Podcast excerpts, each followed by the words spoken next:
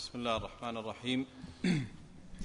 الحمد لله رب العالمين وصلى الله وسلم وبارك على عبده ورسوله محمد وعلى آله وأصحابه وأتباعه بإحسان إلى يوم الدين. اللهم اغفر لنا ولشيخنا وللحاضرين والمستمعين. يا رب العالمين أما بعد فيقول الإمام البخاري رحمه الله تعالى باب الصلاة في الخفاف. حدثنا آدم قال حدثنا شعبة عن الأعمش قال سمعت إبراهيم يحدث عن همام بن الحارث قال رأيت جريرا ابن عبد الله بال ثم توضأ ومسح على خفيه ثم قام فصلى فسئل فقال رأيت النبي صلى الله عليه وسلم صنع مثل هذا.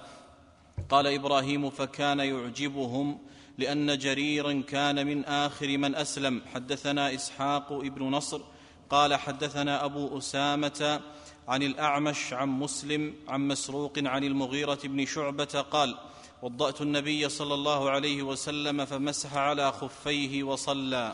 الحمد لله رب العالمين والصلاة والسلام على نبينا محمد وعلى آله وأصحابه وأتباعه بإحسان إلى يوم الدين. تقدم في الباب الذي قبله باب الصلاة في النعال. تقدم الإشارة إلى هذا وأنه سنة الصلاة فيها إلا إذا اعترض أمر اقتضى عدم الصلاة فيهما السنة المستقرة في الصلاة فيهما. وهذا أمر يجري في كثير من المسائل أن تكون السنة في هذا الشيء هو فعل فعله لكن قد يعتري من المصالح أو من دفع المفاسد ما تترك به هذه السنة لدفع أمر آخر وهذا لا ينفي السنية.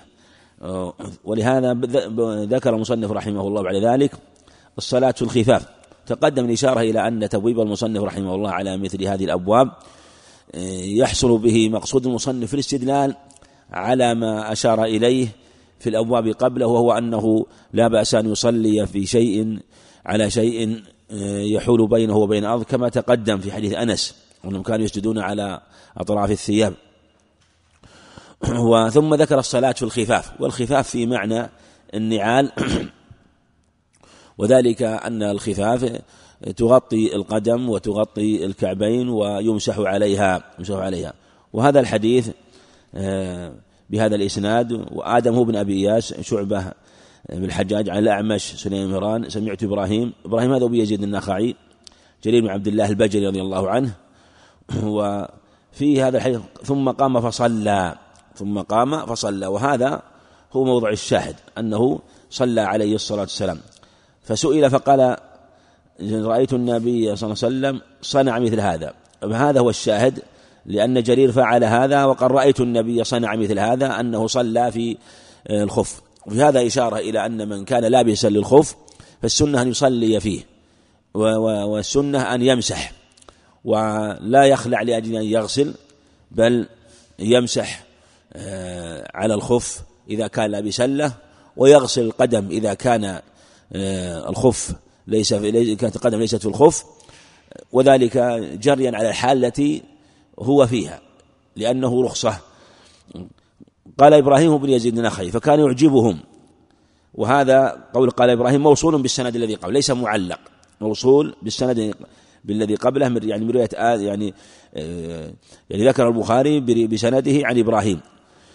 كان من آخر من أسلم والمعنى أنه ليس منسوخ المسح الخفاف وحينما نزلت آية المائدة في الوضوء بل إنه مسح عليه الصلاة والسلام بعد المائدة بعد مشروعية الوضوء فدل على استقرار الأمر. جاءت رواية عند أبي داود أصرح من هذا وأن جرير أخبر بذلك قول كان جرير آخر من أسلم هذا جاء مرفوعا من كلام جرير عند أبي داود الترمذي ولهذا لما قيل له أبعد المائدة وقبل المائدة قال ما أسلمت إلا بعد المائدة. وهذا هو معنى كلام إبراهيم رحمه الله أنه من آخر الأسلم يعني أنه أن إسلامه كان بعد المائدة. نعم.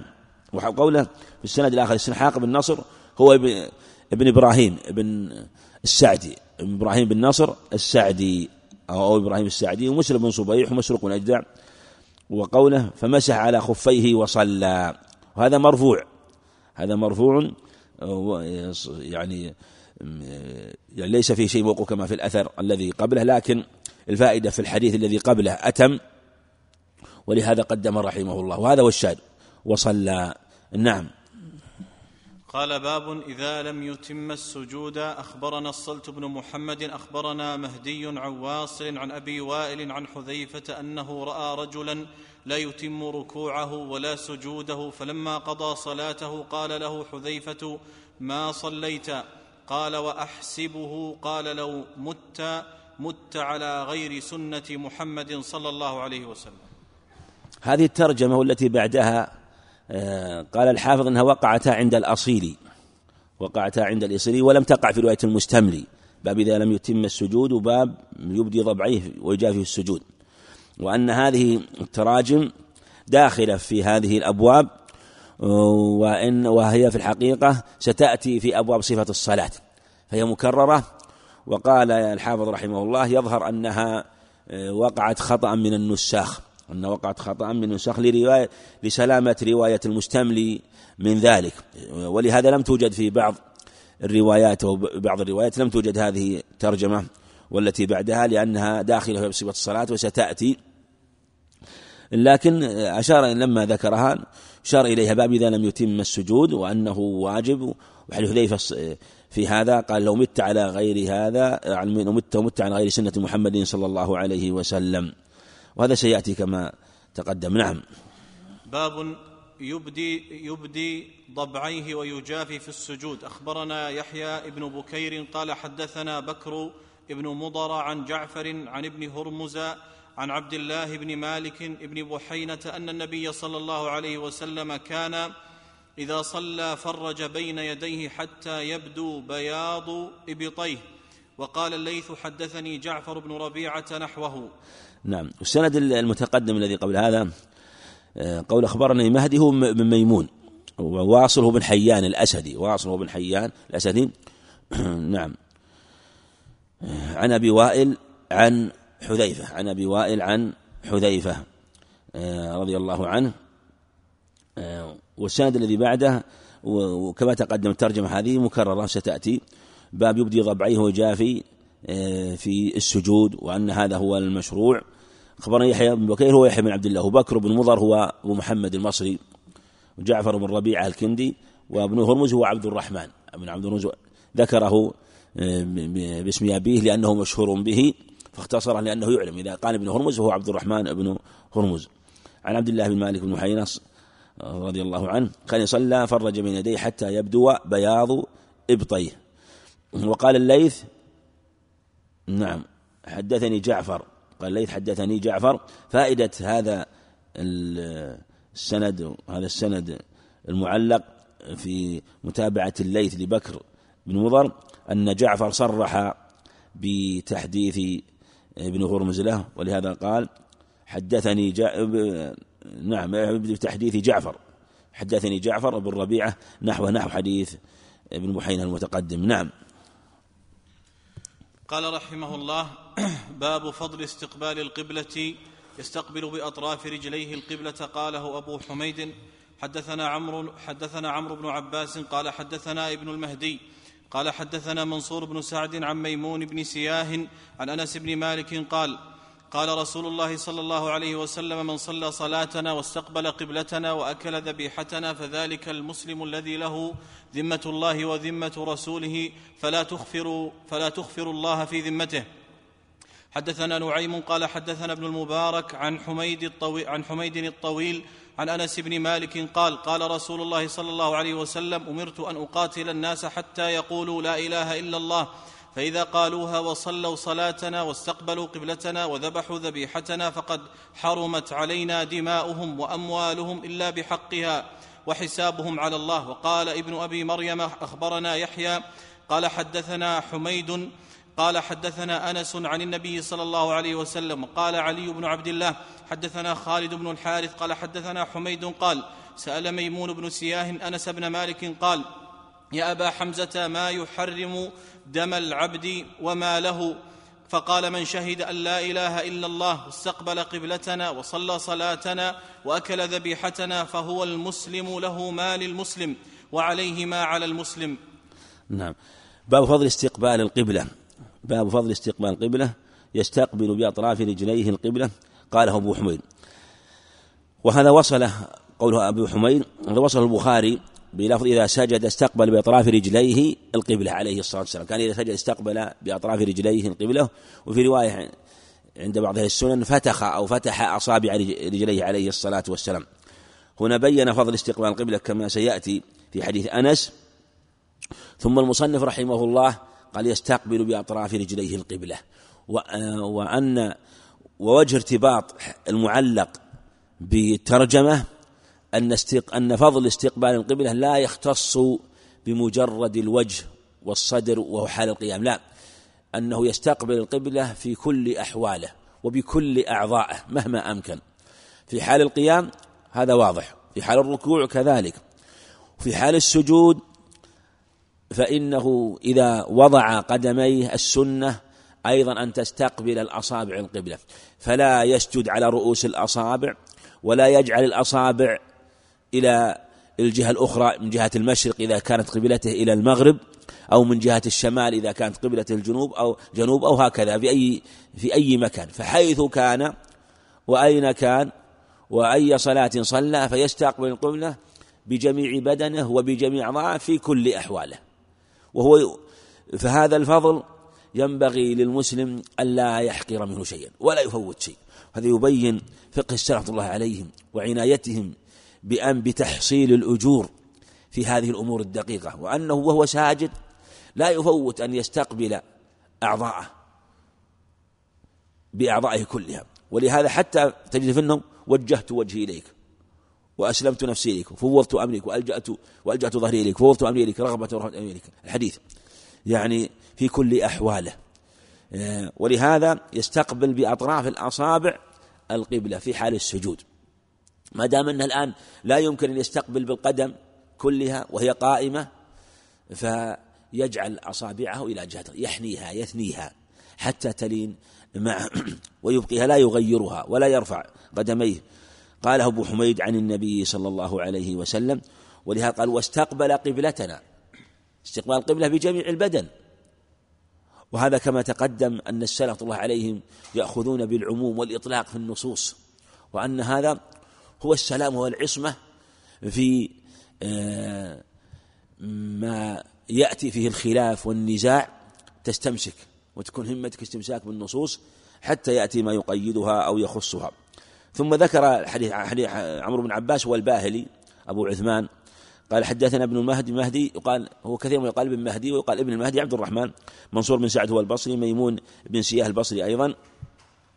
عن انس مالك رضي الله عنه قال قال الحديث والشاهد واستقبل قبلتنا واستقبل قبلتنا. ثم قال فذلك المسلم. هذا هو الذي الذي له ذمة الله وذمة رسوله. فلا تخفر الله في ذمته. فضائل عظيمة في فضل استقبال القبلة وأنه يعرف بها إسلام الرجل أو المرأة ممن يستقبل القبلة. حدثنا نعيم بن حماد. هذا الإسناد وقع فيه اضطراب كثير أو هذه الرواية في قول حدثنا نعيم بن حماد. بعضها آه، ليس فيها التحديث. ووقع اضطراب في كيفية رواية البخاري عن نعيم بن حماد. منهم من قال لم يروي عنه معلقا روى عنه متصلا. ومنهم من قال روى عنه معلقا. ووقع اضطراب يحتاج إلى تحرير آه، حقيقة رواية البخاري عن نعيم هل رواه عنه معلقا أو آه، روى عنه بصيغة التحديث. نعيم حماد رحمه الله معروف ومشهور بإمامة وجلالته لكن له بعض الخطأ رحمه الله. عن حميد طويل عن أنس. هذا الإسناد ساق رحمه الله وهو آه، قريب من اللفظ الأول قريب من اللفظ الأول وفيه زيادة في آخر إلا بحق وحساب على الله وفيه أيضا زيادة في فيه أيضا فائدة في السند وهو عن رواية حميد طويل عن أنس. والأول من رواية ميمون بن سياح عن أنس. والمصنف أيضا ساق هذين الإسنادين وسوف يسوق الإسناد المعلق الثالث ليبين أنه عن أنس من طريقين. عن أنس من طريقين وهذا هو الأصل أن ما, ما نقول أحدهم أخذ عن الآخر. ولهذا ساق بعده المعلق وقال ابن أبي مريم وهو رحمه الله يهتم بهذه النكت إما تكون معلقة أو موصولة تكون معلقة موصولة يعني عناية رحمه الله بالأسانيد وبالألفاظ هذا ملاحظ. يعني تفسير الأحاديث بأحاديث تتبعها إما معلقة موصولة وتفسير الأسانيد بعدها إما بأسانيد معلقة وموصولة. ولهذا وقال ابن أبي مريم وهو سعيد بن أبي مريم إمام مشهور رحمه الله. مصري أخبرنا يحيى بن أيوب قال حدثنا حميد. حميد هو الطويل المتقدم في الإسناد حميد بن أبي حميد الطويل. قال حدثنا. هذه تبين أن حميد سمعه من أنس. سمعه من أنس وعلى هذا لا يقال إلا لعله بينه وبينه واسطة. عن النبي صلى الله عليه وسلم. ثم قال وقال علي بن عبد الله وهو ابن مديني حدثنا خالد بن حارث والهجيمي حدثنا حميد. قال سأل ميمون بن سياه أنس. آه، رحمه هو رحمه الله أراد أن يدفع من ظن أن حميد لم يسمعه من أنس إنما سمعه من ميمون بن سياه ميمون بن سياه ولهذا جاء بالحجة قبل وجاء بالإسناد المحتمل بعد. جاء بالحجة وصراح تصريح عن حميد بأنه سمع أنس. ثم قال حدثنا حميد قال سأل ميمون سياه يعني في الأصل أن حميد سمع أنسا يحد يحدث بعدما سأله ميمون بن سياه. لا أن حميد أخذه عن ميمون عن أنس. قال يا أبا حمزة أي ميمون وما يحرم دم العبد؟ الحديث. فقال من شهد الله ومحتمل محتمل أيضا ولا يعترض على كلام البخاري رحمه الله أيضا أن يقول إن إن حميد سمعه من ميمون بن سياه فقال سألت أنسا فأخبره ثم بعد ذلك سمعه من أنس مرة أخرى مباشرة يحدث به. لأن هذا نشر العلم ومجالس أنس رضي الله عنه لأصحابه كثيرة. فلا فلا يمتنع أن يقع أن يقع أن يرويه من هذين الطريقين. لكنه صريح في أنه سمعه منس كما تقدم. نعم. صليك في قوله هنا قال علي بن المديني. هل يكون حكمه حكم متصل أو معلق؟ هذا حكمه وقال علي بن عبد الله. كله عندكم وقال علي عندكم؟ إيه. وقال علي. لا هذا حكمه يقولون حكم معلق ما دام إنه ما صرح لأنه قد يعلق عن شيوخه لكن في الحكم في المعنى حكم حكم متصل. وذلك آه، قال سأل ميمون بن سياه أنس من قال يا أبا حمزة وما يحرم دم؟ فقال من شهد أن لا إله إلا الله. نعم. هنا ليظهر والله أعلم أنه ما جزم به لأن أنس هنا أيضا شيء يتنبه له أنه موقوف على أنس ليس مرفوع إلى النبي عليه الصلاة والسلام. والذي قبله ماذا؟ مرفوع, مرفوع.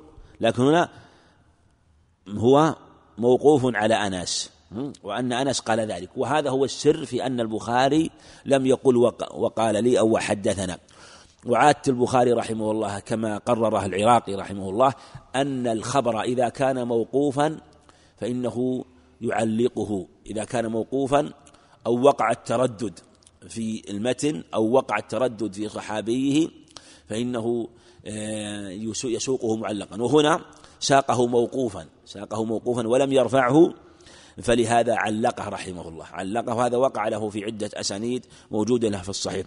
وهذا المعلق يؤيد يؤيد أن آه، حميد رحمه الله سمعه من الطريقين. فالطريق الذي سمعه من أنس سمعه منه مرفوعا. والطريق الذي بواسطة ميمون بن سياه بسؤاله هو موقوف على مالك. لاختلاف السياقين لاختلاف السياقين. لكن هو البخاري رحمه أراد أن حميد سمعه من أنس بلا إشكال مرفوعا. وأن الذي جاء برواية ميمون بن سياه وأن حميد آه، سمع ميمون آه، آه، أو حدث ميمون حدثه ميمون أن أو سمع ميمون يسأل أنس مالك فهذا من هذا الطريق الموقوف من هذا الطريق الموقوف وعلى هذا يؤيد ما سبق كما تقدم لاختلاف السياق في هذا أنه مرفوع وفي هذا أنه موقوف. نعم. صلى الله عليكم. قال رحمه الله باب قبلة أهل المدينة وأهل الشام والمشرق. ليس في المشرق ولا في المغرب, ولا في المغرب قبلة. لقول النبي صلى الله عليه وسلم لا تستقبلوا القبلة بغائط أو بول ولكن شرقوا أو غربوا. حدثنا علي بن عبد الله قال حدثنا سفيان قال حدثنا الزهري عن عطاء بن يزيد عن أبي أيوب الأنصاري أن النبي صلى الله عليه وسلم قال إذا أتيتم الغائط فلا تستقبلوا القبلة ولا تستدبروها. ولكن شرقوا أو غربوا. قال أبو أيوب فقدمنا الشام فوجدنا مراحيض بنيت قبل الكعبة قبل القبلة فننحرف ونستغفر الله تعالى. وعن الزهري عن عطاء قال سمعت أبا أيوب عن النبي صلى الله عليه وسلم مثله. نعم. المصنف رحمه الله ذكر فضل القبلة وذكر أدلة حتى تتشوف النفوس إلى هذه القبلة. وبعد ذلك ذكر هذه القبلة. وهذا أيضا من حسن التعليم أن يبين فضل يبين فضل الشيء وتذكر محاسنه وإن لم تذكر ذاته وما هو فتشتاق النفوس إليه. فلما بين فضل استقبال فضل استقبال القبلة وما ورد فيها من أدلة وأشار إلى هذه المعاني العظيمة وأنه بذلك في ذمة الله ولا تخفر الله في له ذمة الله ذمة الرسول فلا الله في ذمته لا تزول خفارته وأمانه وعهده لأنه في ذمة الله سبحانه وتعالى باستقبال القبلة وهذا يشهد لما في الحديث المشهور من صلى الفجر فهو في ذمة الله فلا يطلبنكم الله من ذمته بشيء. وهذا فرع عن يعني يعني في الصلاة وفي استقبال القبلة كلها للعبد أمان وضمان. بين هذه القبلة بين هذه القبلة. ولهذا باب قبلة أهل المدينة لأنهم هم الذين أخذت عنهم وابتدأت القبلة في ذلك البلد حينما هاجر عليه والسلام لأنها فرضت الصلاة في المدينة ثم في مكة ثم بعد ذلك بينت آه، بعد ذلك في آه، تفاصيلها في المدينة. فقال آه، قبلة المدينة وأهل الشام والمشرق. ليس في المشرق والمغرب ولا في المغرب قبلة. هذه العبارة قد توهم. لكن المشرق قبلة والمغرب قبلة. أهل الغرب قبلة المشرق وأهل المشرق وأهل المشرق قبلة المغرب. لكن لأن كلامه يفسر بعضه بعضا. قبلة أهل المدينة. ها؟ وأهل الشام والمشرق. وليس في المشرق ولا في المغرب قبلة. يعني المراد ما بوب عليه وقبلة أهل المدينة. فإنه قبلة ليس لهم في المشرق ولا في المغرب قبلة. إنما قبلتهم إلى جهة الجنوب. ومن كان مقابلا لهم فقبلته إلى جهة الشمال. جهة الشمال. وإشارة آه، يعني إلى أن القبلة تتسع ما بين الجهتين. تتسع ما بين الجهتين فهي تكون مثلا لأهل المدينة إلى جهة الجنوب وأينما اتجهوا فهو في قبلة ما دام إلى جهة الجنوب. وفيه الحديث المشهور أبي هريرة وحديث أبو داود الترمذي رواه الترمذي وغيرهم من طريقين أحد الطريقين جيد.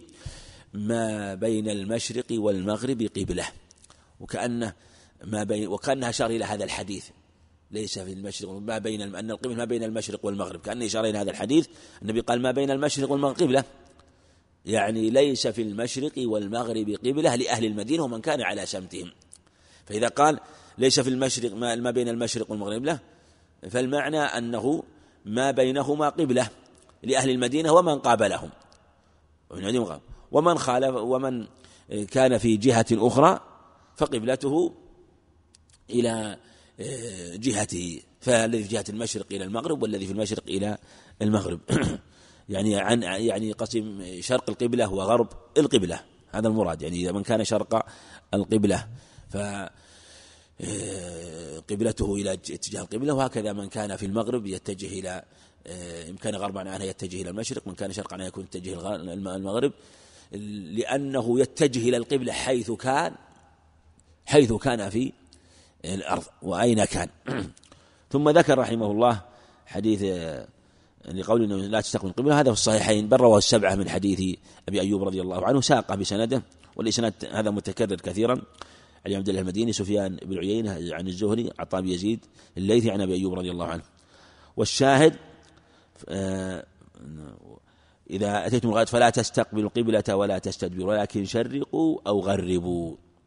يعني شرق وغرب هذا هو الشاهد لقوله ليس من القبلة يعني لا تستقبل القبلة ولا تستدبر هذا خطاب لأهل المدينة فالمعنى آه، ومن كان على سمتهم. فإذا آه، أراد أن يقضي حاجته فإنه ينصرف إلى الجهة التي ليست قبلة شرقا أو غربا شرقا أو غربا صيانة للقبلة.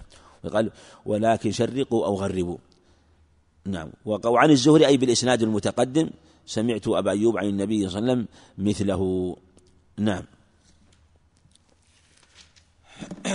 قال رحمه الله باب قوله تعالى واتخذوا من مقام إبراهيم مصلى حدثنا الحميدي قال حدثنا سفيان قال حدثنا عمرو بن دينار قال سألنا ابن عمر عن رجل طاف بالبيت العمرة ولم يطف بين الصفا والمروة أيأتي امرأته فقال قدم النبي صلى الله عليه وسلم فطاف بالبيت سبعا وصلى خلف المقام ركعتين وطاف بين الصفا والمروة وقد كان لكم في رسول الله أسوة حسنة.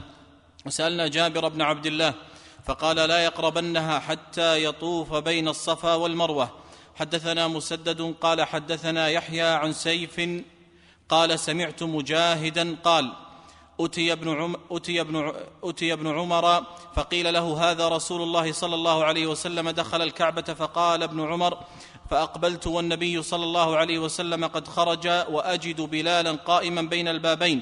فسألت بلالا فقلت أصلى النبي صلى الله عليه وسلم في الكعبة؟ قال نعم ركعتين بين الساريتين اللتين عن يساره إذا دخلت ثم خرج فصلى في وجه الكعبة ركعتين. حدثنا إسحاق بن نصر قال حدثنا عبد الرزاق قال أخبرنا ابن جريج عن عطاء قال سمعت ابن عباس قال لما دخل النبي صلى الله عليه وسلم البيت دعا في نواحيه كلها ولم يصلي حتى خرج منه فلما خرج ركع ركعتين في قبل الكعبة وقال هذه القبلة. صلى على محمد. باب قول باب قول الله تعالى واتخذوا مقام إبراهيم مصلى. قوله مصلى أي قبلة لأن هذا هذا قول الحسن قال الحسن قبلة وبه يتم استدلال المصنف رحمه الله من أن المقام يكون أمامه والكعبة تكون أمامه آه، فيستقبل. وبهذا وهكذا صلى عليه الصلاة والسلام. واتخذوا مقام إبراهيم مصلى. وفيه إشارة إلى فضل هذا المكان. وفيه إشارة إلى أن المقام المقام أول مقام إبراهيم أول ما يدخل فيه هذا المكان وهو ذلك المكان الذي قام عليه إبراهيم عليه الصلاة والسلام وبنى به الكعبة. وهذا لا ينافي قول مجاهد أن جميع الحرم آه، مقام إبراهيم وجميع المشاعر مقام إبراهيم حيث قام فيها عليه الصلاة والسلام. آه، وهذا من جنس ما يحكي سلف القول ويذكرون نوعا منه ولا ينافي دخول أنواع أخرى من باب التفسير والبيان. حدثنا الحميدي هو عبد الله بن الزبير سفيان بن عيينة عمرو بن دينار. نعم. عن رجل طاف بالبيت والعمرة. طاف بالبيت للعمرة. إيش عندك بالبيت؟ بالبيت العمرة كذا. طاف بالبيت في في نسخة للعمرة وهذا أوضح في نسخة للعمرة. ولم يطف بين الصفا والمروة. ولم يطف بين الصفا والمروة. فقال ابن عمر آه، قدم النبي صلى الله عليه وسلم البيت سبع وصلى خلف مقام ركعتين. هذا هو الشاهد للترجمة. وصلى خلف المقام ركعتين. وبهذا اتخذه قبلة. وصلى إلى الكعبة. وهذا كأنه فرع آه، عن الباب الذي قبله وأنه آه، أي في أي مكان صلى إلى القبلة إلى الكعبة فهو متجه إليها. لكن هذا هو الأكمل والأفضل خاصة إذا إذا طاف بالبيت فإنه يصلي في هذا المكان إذا تيسر له ذلك. وسألنا جابر بن عبد الله فقال لا يقربنها حتى يطوف بين الصفا والمروة وهذا هو الواجب يعني لا يطوف حتى لا يقرب أهله حتى يطوف بين الصفا والمروة وهو يقصر أو يحلق. حدثنا مسدد قال حدثنا يحيى هو القطان عن سيف بن أبي سليمان المخزومي عن عن سيف بن سليمان المخزومي المكي سمعت مجاهد بن جبر قال أتي ابن عمر إلى قال أنه دخل الكعبة ودخل الكعبة وفي هذا الحديث وحديث ابن عباس الذي آه، بعده أن آه، من القبلة التي تتخذ داخل الكعبة داخل الكعبة. وأنه لا بأس أن يصلي في الكعبة. والنبي دخلها عليه الصلاة والسلام وصلى ركعتين. يعني كما أنه يجوز الصلاة خارج الكعبة متجها إلى الكعبة يجوز الصلاة في الكعبة ولو كان بعضها خلفه. ولو كان بعضها خلفه. لا بأس بذلك. ولهذا حديث ابن عباس أيضا في هذا المعنى دخل الكعبة عليه الصلاة والسلام. وأنه لا يج لا ي... وأنه يجزئه أن يتجه إلى أي جزء من أجزاء الكعبة. جزء من أجزاء الكعبة. بس لا بد أن يكون له قبلة. وهذا الذي يستدل بحديث ابن عمر بن عباس من باب دلالة الأولى.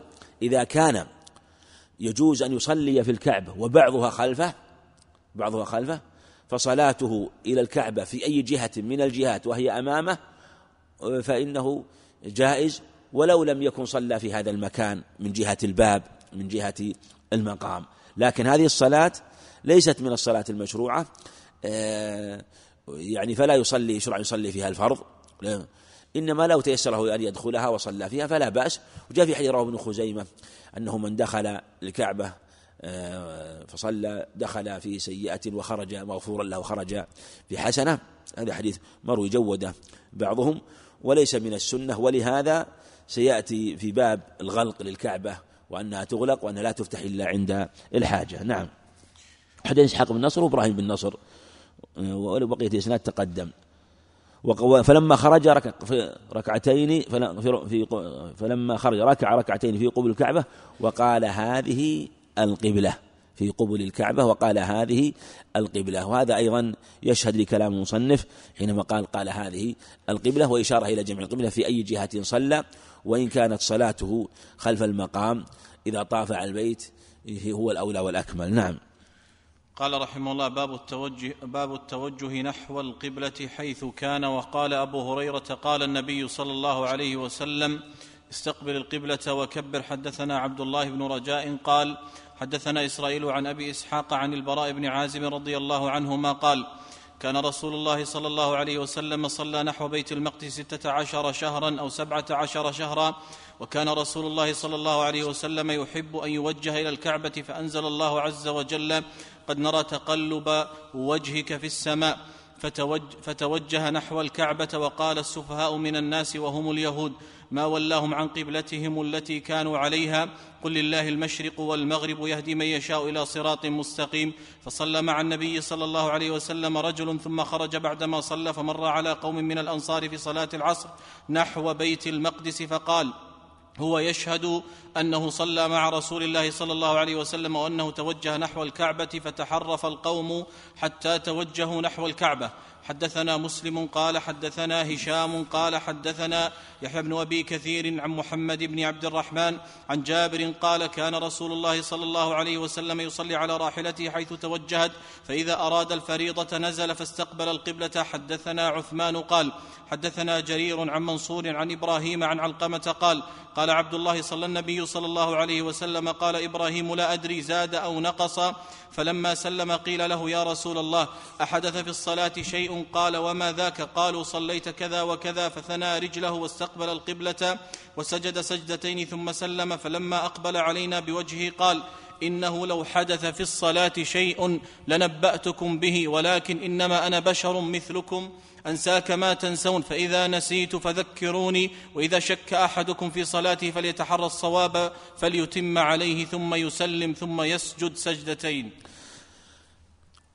هذا التوجه نحو القبلة المراد به في الفريضة حيث كان يعني في الفريضة. يفسره حديث جابر الذي فإذا أراد فإذا نزل ويمكن أن نحمل الترجمة على عمومها وأن نقول التوجه نحو القبلة حيث كان في أي مكان في الفرض وفي النافلة. ويكون التوجه إليها في النافلة أفضل والتوجه إليها في الفرض هو الواجب. لا يمتنع أن نحملها على العموم ونفسر هذا التوجه في بعد في أحدهما في أحد النوعين بالوجوب وفي الآخر بالاستحباب. مثل ما نقول يا أيها إذا قم كل من قام إلى الصلاة فليتوضأ من قام إلى الصلاة فعليه يتوضأ. ونقول من قام إلى الصلاة وهو محدث يجب أن يتوضأ ومن قام إلى الصلاة وهو على وضوء سنة له أن يتوضأ. لأن تجديد الوضوء سنة مشروع إذا أعقبه عمل أو صلاة أو ارتخاء استرخاء أو ما أشبه ذلك يعني لا يشرع مثلا يتوضأ مثلا يعني يتوضأ مثلا حينما يذهب إلى المسجد يتوضأ ثم بعد ذلك إذا قبل أن تقام الصلاة أو عند قيامتها يتوضأ هذا غير مشروع ولا له أصل.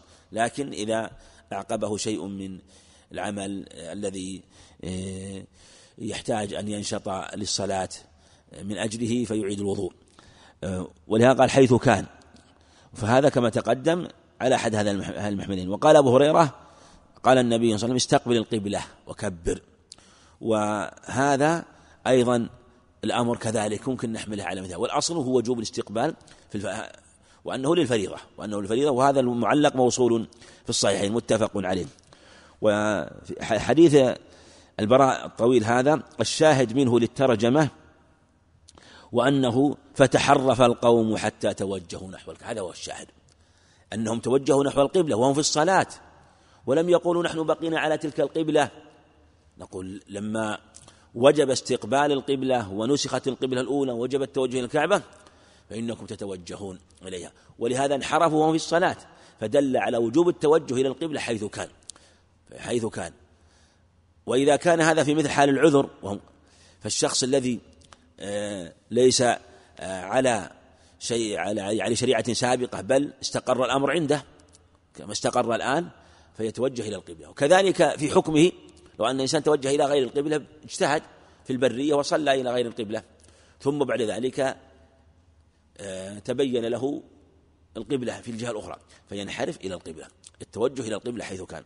حديث جابر الذي بعده فإذا أراد الفن نزل فاستقبل القبلة. هذا يفسر ما تقدم وأن التوجه الواجب إلى القبلة هو في حال الفرض. بل قد يقال والله أعلم مثل ما تقدم أن السنة استقبال القبلة على الإطلاق حتى في النفل. بل هذا ثبت في السنة من حديث أنس رضي الله عنه عند أحمد عند أبي داود بسند جيد أنه عليه الصلاة والسلام كان إذا تنفل في السفر استقبل القبلة فكبر ثم لا يبالي بعد ذلك حيث وجه ركابه. فنقول المشروع لمن أراد أن يصلي النافلة أن يتوجه إلى القبلة. أول ما يتوجه. ثم بعد ذلك إنسان مثلا يمشي الآن راكب راحلته أو مثلا يركب سيارة وأراد أن يصلي. نقول كبر إلى جهة القبلة ثم بعد ذلك انحرف إلى الجهة الأخرى. وعلى هذا يمكن أن يقال بالحمل العموم لكنه آه، يفرق بين وجوب الاتجاه من عدم وجوبه. حديث ابن عبد الله مسعود رضي الله عنه أيضا الشاهد منه أنه عليه الصلاة والسلام قال فثنى رجله واستقبل القبلة. فثنى رجله واستقبل القبلة. فدل على وجوب استقبال القبلة وأنه آه، بعدما صلى ركعتين بعدما صلى ركعتين ثم نبه استقبل القبلة عليه الصلاة والسلام. بناء على هذا الأصل فالتوجه إلى القبلة حيث لأنه كان متوجه إلى غير القبلة عليه الصلاة والسلام. فاستقبل القبلة وأتم صلاته. نعم. قال رحمه الله باب ما جاء في القبلة ومن لم ير الإعادة على من سهى فصلى إلى غير القبلة وقد سلم النبي صلى الله عليه وسلم في ركعتي الظهر وأقبل على الناس بوجهه ثم أتم ما بقي. حدثنا عمرو بن عون قال حدثنا هشيم عن حميد عن أنس قال قال عمر وافقت ربي في ثلاث قلت يا رسول الله لو اتخذنا من مقام إبراهيم مصلى فنزلت واتخذوا من مقام إبراهيم مصلى وآية الحجاب قلت يا رسول الله لو أمرت نساءك أن يحتجبن فإنه يكلمهن البر والفاجر فنزلت آية الحجاب واجتمع نساء النبي صلى الله عليه وسلم في الغيرة عليه فقلت لهن عسى ربه إن طلقكن أن يبدله أزواجا خيرا منكن فنزلت هذه الآية وقال ابن أبي مريم قال أخبرنا يحيى ابن أيوب قال حدثني حميد قال سمعت انسا بهذا. حدثنا عبد الله بن يوسف قال أخبرنا مالك بن أنس عن عبد الله بن دينار عن عبد الله بن عمر قال بين الناس بقباء في صلاة الصبح إذ جاءهم آت فقال إن رسول الله صلى الله عليه وسلم قد أنزل عليه الليلة قرآن وقد أمر أن يستقبل الكعبة فاستقبلوها وكانت وجوههم إلى الشام فاستداروا إلى الكعبة حدثنا مسدد قال حدثنا يحيى عن شعبة عن الحكم عن إبراهيم عن علقمة عن عبد الله قال صلى النبي صلى الله عليه وسلم الظهر خمسا فقالوا أزيد في الصلاة؟ قال وما ذاك؟ قالوا صليت خمسا فثنى رجليه وسجد سجدتين. نعم. باب ما جاء في القبلة ومن لا يرى الإعادة على من سهى. يعني من أحكام القبلة لأن ساق رحمه الله حديث تدل على احكام ثم ذكر فرع منه من لا يرى الإعادة على من سحب. هذه عموم الترجم منه هل يمكن أن يقال إن البخاري رحمه الله يرى أن من سهى في الحضر فلا إعادة عليه؟ لأنه أطلق رحمه الترجمة قال فصلى إلى غير القبلة ولم يقل في السفر. ثم استدل بواقعة في الحضر. وقد سلم النبي صلى الله عليه وسلم في ركعته الظهر. وأقبل على الناس بوجهه ثم أتم ما بقي.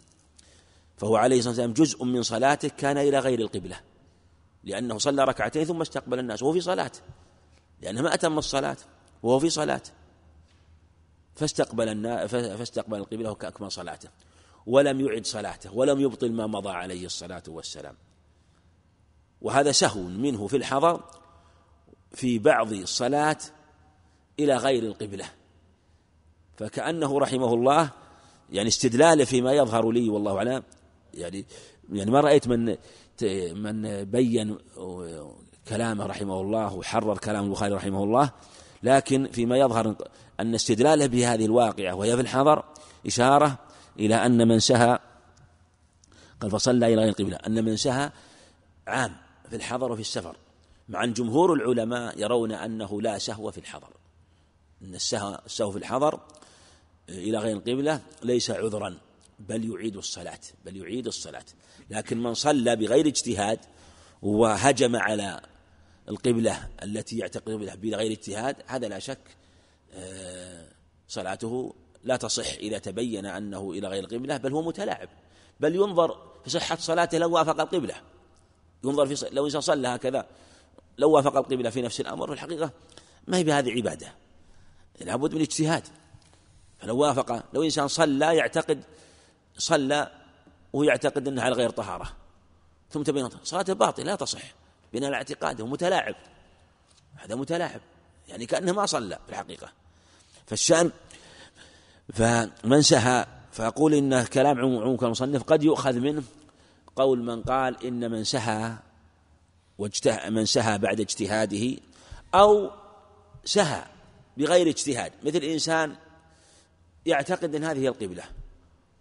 يعتقد هذه القبلة صلى معتقدا وكبر بناء على هذا الاعتقاد ولم يجتهد يعني كأنه جازما بهذا الأمر ثم تبين أنه صلى إلى غير القبلة. يعني قال السهو لأن كلمة السهو في الغالب ما تكون مع الاجتهاد ما تكون مع الاجتهاد. السهو لا يكون إلا بغير اجتهاد. المجتهد ما هو ليس ساهيا. المجتهد يتحقق وينظر وقد يقال أن هذه العبارة يفرق بين من صلى معتقدا القبلة بغير اجتهاد ومن صلى إلى القبلة بعد اجتهاد وأنه لا يقبل الاجتهاد في الحضر. وهذا الوجه قد يكون أحسن وأفقه. ولهذا ما قال رحمه الله با ومن لا يرى الاجتهاد على من اجتهد. وهذا التوجيه أفقه فيما يظهر لي والله أعلم لأن قال من سهى. وذلك أن المكلف يعامل بمقتضى اعتقاده ما دام أنه يعتقد أن هذه القبلة. إنسان صلى يقطع ان هذه القبلة ثم تبين أنها ليست هي القبلة. هذا معذور لأن هذا عذر قهري عذر قهري. بفرق بخلاف من مثلا إنسان جاء إلى البلد ودخل وهو ما يعلم القبلة وينها فاجتهد. أو إنسان في البلد مثلا في إنسان في البلد واجتهد من أهل البلد واجتهد في هذه القبلة. نقول لا اجتهاد في الحضر. وقد يقال إن هذا التفريق يعني أحسن لكن ينظر هل قال به أحد من هذا أهل العلم؟ من قال به أحد من العلم؟ فإن كان لا أدري عن عن هذا التفريق بين هذا وهذا. إن كان قال أحد من العلم فهو قول جيد وهو موافق فيما يظهر لي لترجمة البخاري رحمه الله. لأن قال باب باب ما جاء في القبلة ومن لا يرى الإعادة على من سهى. وذلك مثل إذا كان الإنسان إذا سهى في صلاته فسلم وتوجه إلى غير القبلة يعذر ولا تبطل صلاته. فكونه سهى في القبلة قد يقال من باب أولى. إنسان يعتقد أن هذه القبلة والنبي عليه الصلاة والسلام جازما وقاطعا أن صلاته قد تمت ويسلم كذلك أيضا من من ما نقول اجتهد من صلى إلى جهة يعتقد أنها هي القبلة كالقاطع بذلك ثم تبين أنها هي أنها ليست هي القبلة. فالذي يظهر أن يعني على الذي يتبين على ما أشار البخاري أن هذا الوجه يجري ويمشي على الحديث الذي ساقه رحمه الله. لكن اجتهاده في الحضر ليس ليس مقبولا ولا اجتهاد مع الناس. يمكن يسأل ممكن يسأل. وهو معذور في مثل هذا. حتى لو تأخر تأخر الذي لا يفوت الوقت. فلهذا قال ومن صلى وقد سلم النبي صلى الله عليه وسلم يعني ساهيا. في ركعتي الظهر وأقبل على الناس وجه ثم أتم ما بقي. والبخاري رحمه الله كما تقدم من ترجمته يظهر من العموم هذا لم يقيد. قال فصلى واستدل بهذا الحديث. ثم ذكر حديث عمر رضي الله عنه عن أنس رضي الله عنه في قول عمر. وينظر في الحقيقة الحديث أنا ما أدري وش ما تبين لي رحمه البخاري رحمه الله له فقه دقيق مراد رحمه الله وجد ارتباط علاقة الحديث والترجمة من قوله لكنه هو لا شك أنها اراد من قول عمر رضي الله عنه اتخذوا من مقام إبراهيم مصلى فنزلت واتخذوا مقام إبراهيم مصلى فنزلت. وقال باب ما جاء في القبلة ونزلت واتخذوا من مقام إبراهيم مصلى. وقال وافقت أو وافقني ربي أو وافقت ربي آه، وافقت ربي ثم نزلت هذه الآية. قولي واتخذوا من من مقام إبراهيم مصلى. وكان عليه الصلاة والسلام يعني يظهر قد يقال والله أعلم أنه عليه الصلاة والسلام كان بل هو الظاهر هو الظاهر أنه عليه كان يصلي إلى أي جهة كان إلى أي جهة كانت من القبلة سواء في ركعة الطواف أو في غيرها في ركعة الطواف أو في غيرها. فلما نزلت هذه الآية خص موضعا خاصا وهو مقام إبراهيم وهو مقام إبراهيم وأنه آه، يقصد ليصلى فيه وأنه عليه الصلاة والسلام آه، كان يصلي إلى أي جهة إلى أي مكان في أي مكان آه، إلى جهة القبلة. قال باب ما جاء في القبلة وأنه عليه الصلاة والسلام كان يصلي آه، من أي جهة أو في أي مكان إلى جهة الكعبة. فلما نزلت هذه خص هذا المقام وأن هناك مقام يصلى ويقصد عند الكعبة وهو مقام إبراهيم وهو مقام إبراهيم. نعم فكأنها حكمان حكمان. الحكم الأول ما جاء في القبلة الثاني ومن لا يرى يعاد على من سام حديث الإسناد الذي بعده ساقه حدثنا من أبي مريم أخبرنا يحيى أيوب قال حدثني حميد قال سمعت انسا فائدته في قول أنس حميد سمع لأن حميد إنه مدلس مدلس رحمه الله ولهذا يعتني البخاري رحمه الله بسماعه من أنس. لأن كثير من الاخبار التي رواها حميد عن أنس سمعها بواسطة. والبخاري له عناية بذكر السماع حتى يتبين أن ليس بينه وبينه واسطة مع أن الواسطة بينه وبين أنس ثابت كما قيل فعلى هذا لا يضر. لكن مع ذلك أراد أن يحقق السماع منه فجاء بهذا الإسناد. ساق الإسناد لأجل قول حدثني أو سمعت أنس.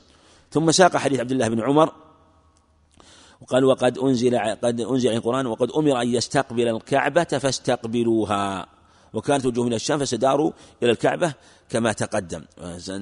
إلى الكعبة.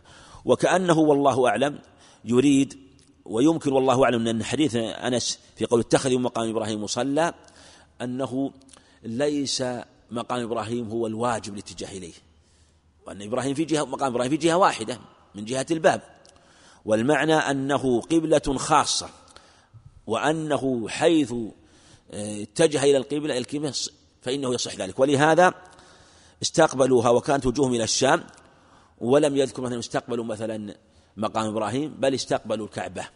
والواجب هو استقبال الكعبة وأن هي القبلة وأن هي القبلة وأن قالوا اتخذوا مقام إبراهيم مصلى. ليس المعنى أنه يتخذ قبلة. وهذا أيضا قد يشكل على ما تقدم في قوله واتخذوا مقام مصلى. بعضهم فسره بأن المراد قبلة قبلة. وهذا أشار إليه الحافظ رحمه الله وقد يظهر والله أعلم مع هذه الترجمة أن قوله في مقام المصلى أنها على ظاهره ليس قبلة. ليس قبلة. أن القبلة معلومة إلى الكعبة. والبخاري ما قال ذلك ولم. والعادة أنه يسوق رحمه الله ما يفسر مراده إذا كان مشكلا. ولهذا قد يقال الترجمة التي يقول اتخذوا مقام المصلى أنها على ظاهره وأن مقام إبراهيم يتخذ مكان للصلاة فيه. أما القبلة فهي إلى جميع الكعبة. ولهذا لا نقصد نحن في آه، المقام لا نقصد الصلاة إلى المقام. إنما نقصد هذا المكان لفضل فضيلة الصلاة فيه. وأما القصد إلى القبلة إلى الكعبة إلى القبلة الكعبة. ولهذا ساق ما ما جاء في القبلة وذكر واتخذوا مقام إبراهيم مصلى يعني فضل الصلاة في هذا المكان. كفضل الصلاة مثلا في مسجد النبي عليه الصلاة والسلام وفضل الصلاة مثلا في المسجد الحرام وأنها فضل خاص للمقام. ليس المراد أن يتخذ قبلة فالقبلة هي الكعبة. قبلة هي الكعبة. لكن من قال مصلى قبلة يعني اجعله لك كالقبلة واجعله أمامك كأنه قبلتك كأنه قبلتك وأنت تصلي في الحقيقة إلى الكعبة وقبلتك هي الكعبة. فكأن قوله ما جاء في القبلة فأن من أحكامها هو اتخاذ هذا المقام مكان يصلى فيه آه، لفضله ولأنه يتخذ مصلى ولهذا قال عمر لو اتخذنا من مقام إبراهيم مصلى. ما قال قبلة. ما قال مصلى يعني نصلي فيه فنزلت الآية. هذا هو الذي يظهر الله أعلم. نعم وحديث عبد الله بن مسعود رضي الله عنه أيضا كذلك قال فثنى رجليه وسجد سجدتين عليه الصلاة والسلام. سجد سجدتين آه، وكأن المراد والله أعلم يعني يعني أنها إذا كانت إلى جهة يعني هو إلى جهة آه، الشمال. فالذي يصلي فالذي فالذي يتجه إلى القبلة في المدينة لا يتجه إلى الباب. أليس كذلك؟ يتجه إلى جهة الشمال جهة الميزاب. أليس كذلك؟ هو الظاهر. ولا يتجه إلى جهة المقام إلى جهة المقام إلى جهة نعم جهة الجنوب الجهة المقابلة الثانية. هو شمال يتجه إلى جهة الجنوب. وتقدم هذا الحديث آه، في الترجمة في ترجمة الترجمة التي قبل. نعم. نعم. قال رحمه الله باب حك البزاق, البزاق باليد من المسجد. حدثنا قتيبة قال حدثنا إسماعيل بن جعفر عن حميد عن أنس, عن أنس أن النبي صلى الله عليه وسلم رأى نخامة في القبلة فشق ذلك عليه حتى رؤي في وجهه فقام فحكه بيده فقال إن أحدكم إذا قام في صلاته فإنه يناجي ربه أو إن ربه بينه وبين القبلة. فلا يبزقن أحدكم قبل قبل قبلته ولكن عن يساره أو تحت قدمه ثم أخذ طرف ردائه فبصق فيه ثم رد, ثم رد بعضه على بعض فقال أو يفعل هكذا. حدثنا عبد الله بن يوسف قال أخبرنا مالك عن نافع عن عبد الله بن عمر أن رسول الله صلى الله عليه وسلم رأى بصاقا في جدار القبلة فحكه ثم أقبل على الناس فقال إذا كان أحدكم يصلي فلا يبصق قبل وجهه فإن الله قبل وجهه إذا صلى.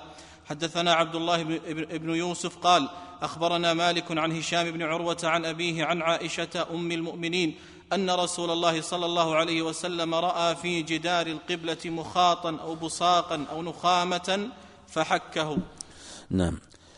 المصنف رحمه الله لما ذكر القبلة وشيئا من أحكام القبلة والتوجه والتوجه والتوجه إليها أراد أن يبين أيضا أن هذه القبلة يشرع صيانتها. في أي مكان؟ كان. وفي أي مسجد. باب حك المزاق باليد من المسجد. وليس مراده رحمه الله مباشرة ذلك باليد. بل يحصل بآلة وسيأتينا بعد ذلك في ترجمة حك المخاطب الحصى من المسجد. نص على الحصى لأن قد يحتاج لكن باب حك البزاق باليد يعني آه، إزالة البزاق بأي آلة. لكن نص كما سيأتينا في الترجمة التي نص عليها لشيء يظهر من الترجمة الآتية. آه، وفي حديث جابر عند أبي داود أنه عليه الصلاة والسلام حكها رأى بصاقه حكه بعرجون في يده عليه الصلاة والسلام. وفي هذا تنزيه القبلة تنزيه القبلة وأنها آه، لا تقدر بأي شيء كما أنها تكون خالية مما يشغل المصلي. فإذا كان يشرع أن لا يكون فيها شيء يشغل المصلي ولو كان شيئا من باب التحسين والتزيين فكيف إذا كان شيئا يشغل المصلي وهو قذر وأذى من باب أولى؟ فالنبي عليه الصلاة والسلام أمر تنزيه القبلة وأمر بإخلاء القبلة مما يشغل المصلي مما تستحسن النفوس من تحسين القبلة وتلوينها وزخرفتها. فكيف إذا كان شيئا يستقذر فلا شك أن هذا أبلغ لأن هذا في الحقيقة في تنزيه القبلة من تنزيهها من من المفسدات من باب دفع المفسدة من بدفع المفسدة. لا مصلحة فيه. لا أما وضع شيء في القبلة مما يزخرف هذا في يعني هو قد يتوهم من فيه مصلحة مثلا للمسجد وتحسين المسجد لكنه فيه مفسدة. فالمفسدة في البزاق ونحوه مفسدة خالصة. فدل على أنه أبلغ وأشد في تنزيهه في تنزيه القبلة عنه. ثم ذكر رحمه الله آه، وهذه الترجمة في بالبزاق. بالبزاق والتي بعدها آه، في يعني ذكر رحمه الله أنها حك المخاط. آه، فرق بينهما لأنه قد يحتاج في المخاط إذا يعني بقي في المسجد كثيرا وطالت مدته فإنه ييبس فيحتاج إلى إزالته بالحصى ولهذا فرق بينهما. حك البزاق باليد بما تيسر من آلة والتي بعدها بالحصى. ثم ذكر حديث أنس رضي الله عنه فإنه يناجي ربه إن ربه بين القبلة قوله فحكه بيده. فحكه بيده وهذا هو الشاهد أنه عليه الصلاة والسلام أزاله وفي هذا مباشرة الشيء. لم يوكل عليه الصلاة والسلام أحد ولم يأمر أحد. بل بادر وباشر بنفسه عليه الصلاة والسلام تحصيلا لهذا الأجر. وكل إنسان وهذا وهذا في إشارة إلى أن العبادة مهما أمكن أن يباشر الإنسان بنفسه أولى من أن يوكل غيره وإن كان يصح التوكيل فيها. إذا كان عبادة يصح التوكيل فيها فيحرص الإنسان أن يباشرها بنفسه ويسابق إليها ويبادر إليها. مثل الصدقة مثلا ومثل الإعانة على أعمال الخير. قد يدل غيره عليه لكن كونه يعمل هو أولى. إلا يكون هناك سبب آخر يقتضي توكيل غيره. حديث عبد الله بن عمر فحكه عليه ثم أقبل نفسه. الأول في حكه بيده حديث أنس. في حديث ابن عمر فحكه ولم يذكر بيده. وفي حديث عائشة رضي الله عنها فحكه في حكه ولم يذكر. فالمقصود ففيه الحك مع أن نعم حكه بيده مثل ما في الترجمة باب حك المزاق باليد. نعم. صحيح في الحديث عائشة قال مخاطا أو بصاقا أو نخامة الجميع حكة. حديث عائشة؟ أخير نعم. نعم إيه. نعم رأى في مخاطا أو بصاقا أو نخامة فحكة. هذا اللي يظهر والله أعلم أنه إذا كان يعني هذه الأشياء إذا كانت هذه الأشياء لا زالت يعني لم تيبس فتزال بأي شيء. فإن كانت يابسة فلا حكم آخر ويتفرق في الترجمتين. وكل المقصود هو المبالغة في الإزالة مبالغة في إزالة الأذى فلا يترك أي أثر. فإن كان يمكن إزالته بالمنديل ونحوه لأنه لا زال يعني حتى الآن لم ييبس حصل المقصود. فإن كان يابسا فلا يكفي المنديل ولا يكفي المنديل ولا شيء آه، يعني لا يقوى عليه إزالته بل لا بد من حكه بحديد أو حصى ونحو ذلك كما سيأتي. نعم. قال رحمه الله. نعم.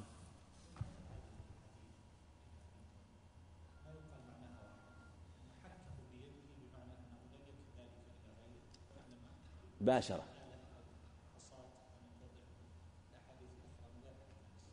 الحديث اللي هو حديث إيه؟ بيد نعم.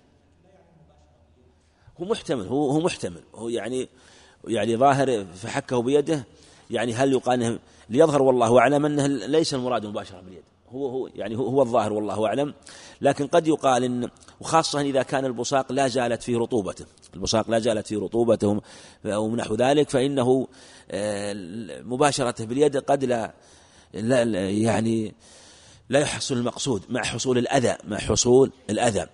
واللي يظهر والله أعلم انه أراد المباشره اللي يظهر الله انه أراد مباشرة ذلك عليه الصلاة والسلام. نعم هذا هو الأقرب. نعم.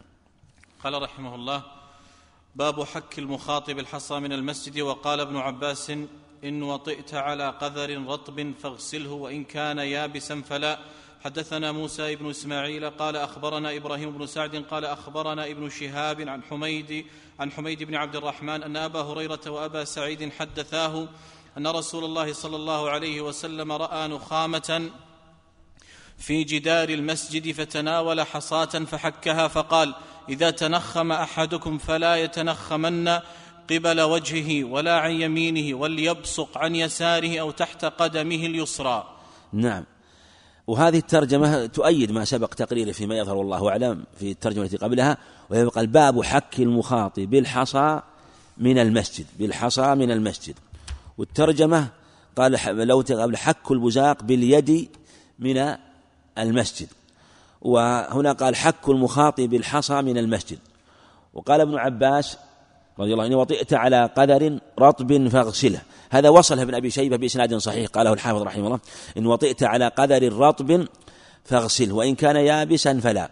وهذه الترجمة تفسر ما تقدم وهو التفريق بين اليابس والرطب وأنه إن كان رطبا فأزله بأي شيء بأي شيء بمنديل بخرقة بأي شيء لأنه رطب يمكن ينزل إن كان يابس لا عليك أنك تعتني عليك أنك تعتني. لا بد من أن يكون شيء فيه قوة وفيه صلابة. ولهذا قالوا كان وصفا وإن كان فرق. وذلك أن اليابس لا يعلق. لا يعلق.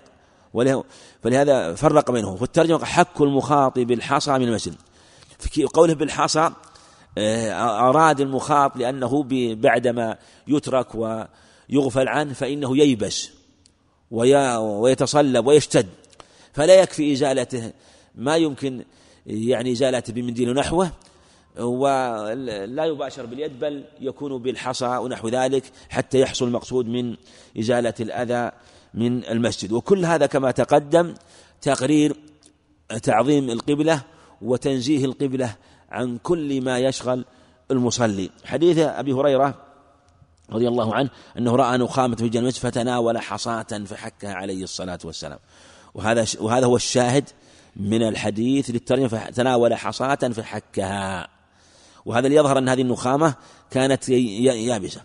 وفيه رفقه عليه الصلاة والسلام. الحقيقة الحديث هذا يذكر بحديث أنس وحديث أبي هريرة اللي في صحيح البخاري في قصة الأعرابي. النبي لو رأى إنسان بصاق في المسجد أو نخام المسجد في الغالب ربما إذا لم يكن من أهل العلم والفقه قد يعني يصرخ كيف هذا؟ ويستنكر هل شك إن أمر إن هذا لا يجوز تقديم المسجد النبي عليه الصلاة والسلام تناول حاصف حكها ولم يقل من فعل هذا. كيف يحصل هذا؟ هذا لا يعني لا يخاف الله أو ما أشبه العبارات. وأيضا في الحديث الآخر أنه عليه الصلاة والسلام في حديث جابر أتى بعرجون وهو العود آه، من شماريخ النخل فحك عليه الصلاة والسلام. ولم يعنف. المقصود إزالة المفسدة. إزالة المفسدة. وتحصل حيث رأى لأنه ربما يكون إنسان بدره البصاق وحصل من هذا الشيء أو أو إنسان خفي عليه الحكم. فالمقصود أنه إزالة المفسدة. والقصد من وجود المنكر ماذا؟ مو بإنكاره. شو القصد من المنكر؟ تغييره. المقصود التغيير. والنبي عليه الصلاة والسلام من رأى منكم منكرا مش قال؟ فليغيره. فالمقصود التغيير ليس الإنكار. ولهذا لو رأيت إنسان وقع في منكر أنت منكر. وإذا رأيته بعينيك أقلع. انتهى الأمر. يكفي هذا. ما له حاجة يتكلم ولا كلمة. يكفي. بل ربما تكون أبلغ في قلبه من رفع الصوت عليه وقد يشتد. فالمقصود التغيير ليس المقصود الإنكار. وهذا ولهذا النبي عليه الصلاة والسلام في قصة حديث أنس ومعنى حديث هريرة معروفة القصة وسبق لشرح إليها لعل في درس مضى. أنه ما أنكر على الرجل الأعرابي أنكر على أصحابه عليه الصلاة والسلام. وترك الرجل يبول حتى انتهى. فهذه الأحاديث شواهد في هذا المعنى لتقرير هذا الأصل في قضية إنكار المنكر وأن المقصود هو إزالة المفسدة. فبأي طريق حصلت؟ طريق يسير ما له حاجة تسلك الطريق العسر الطويل. انتهى الأمر. يعني يقع بعض الناس حينما يشدد في إنكار المنكر على صبي مثلا يقع منه خطأ مثلا إما في مسجد أو في البيت أو تعرف عبث الصبيان وفي بعض الأمور والأخطاء فيبالغ في الإنكار عليهم. وهذا خطأ. المقصود هو إزالة المنكر بأي سبيل.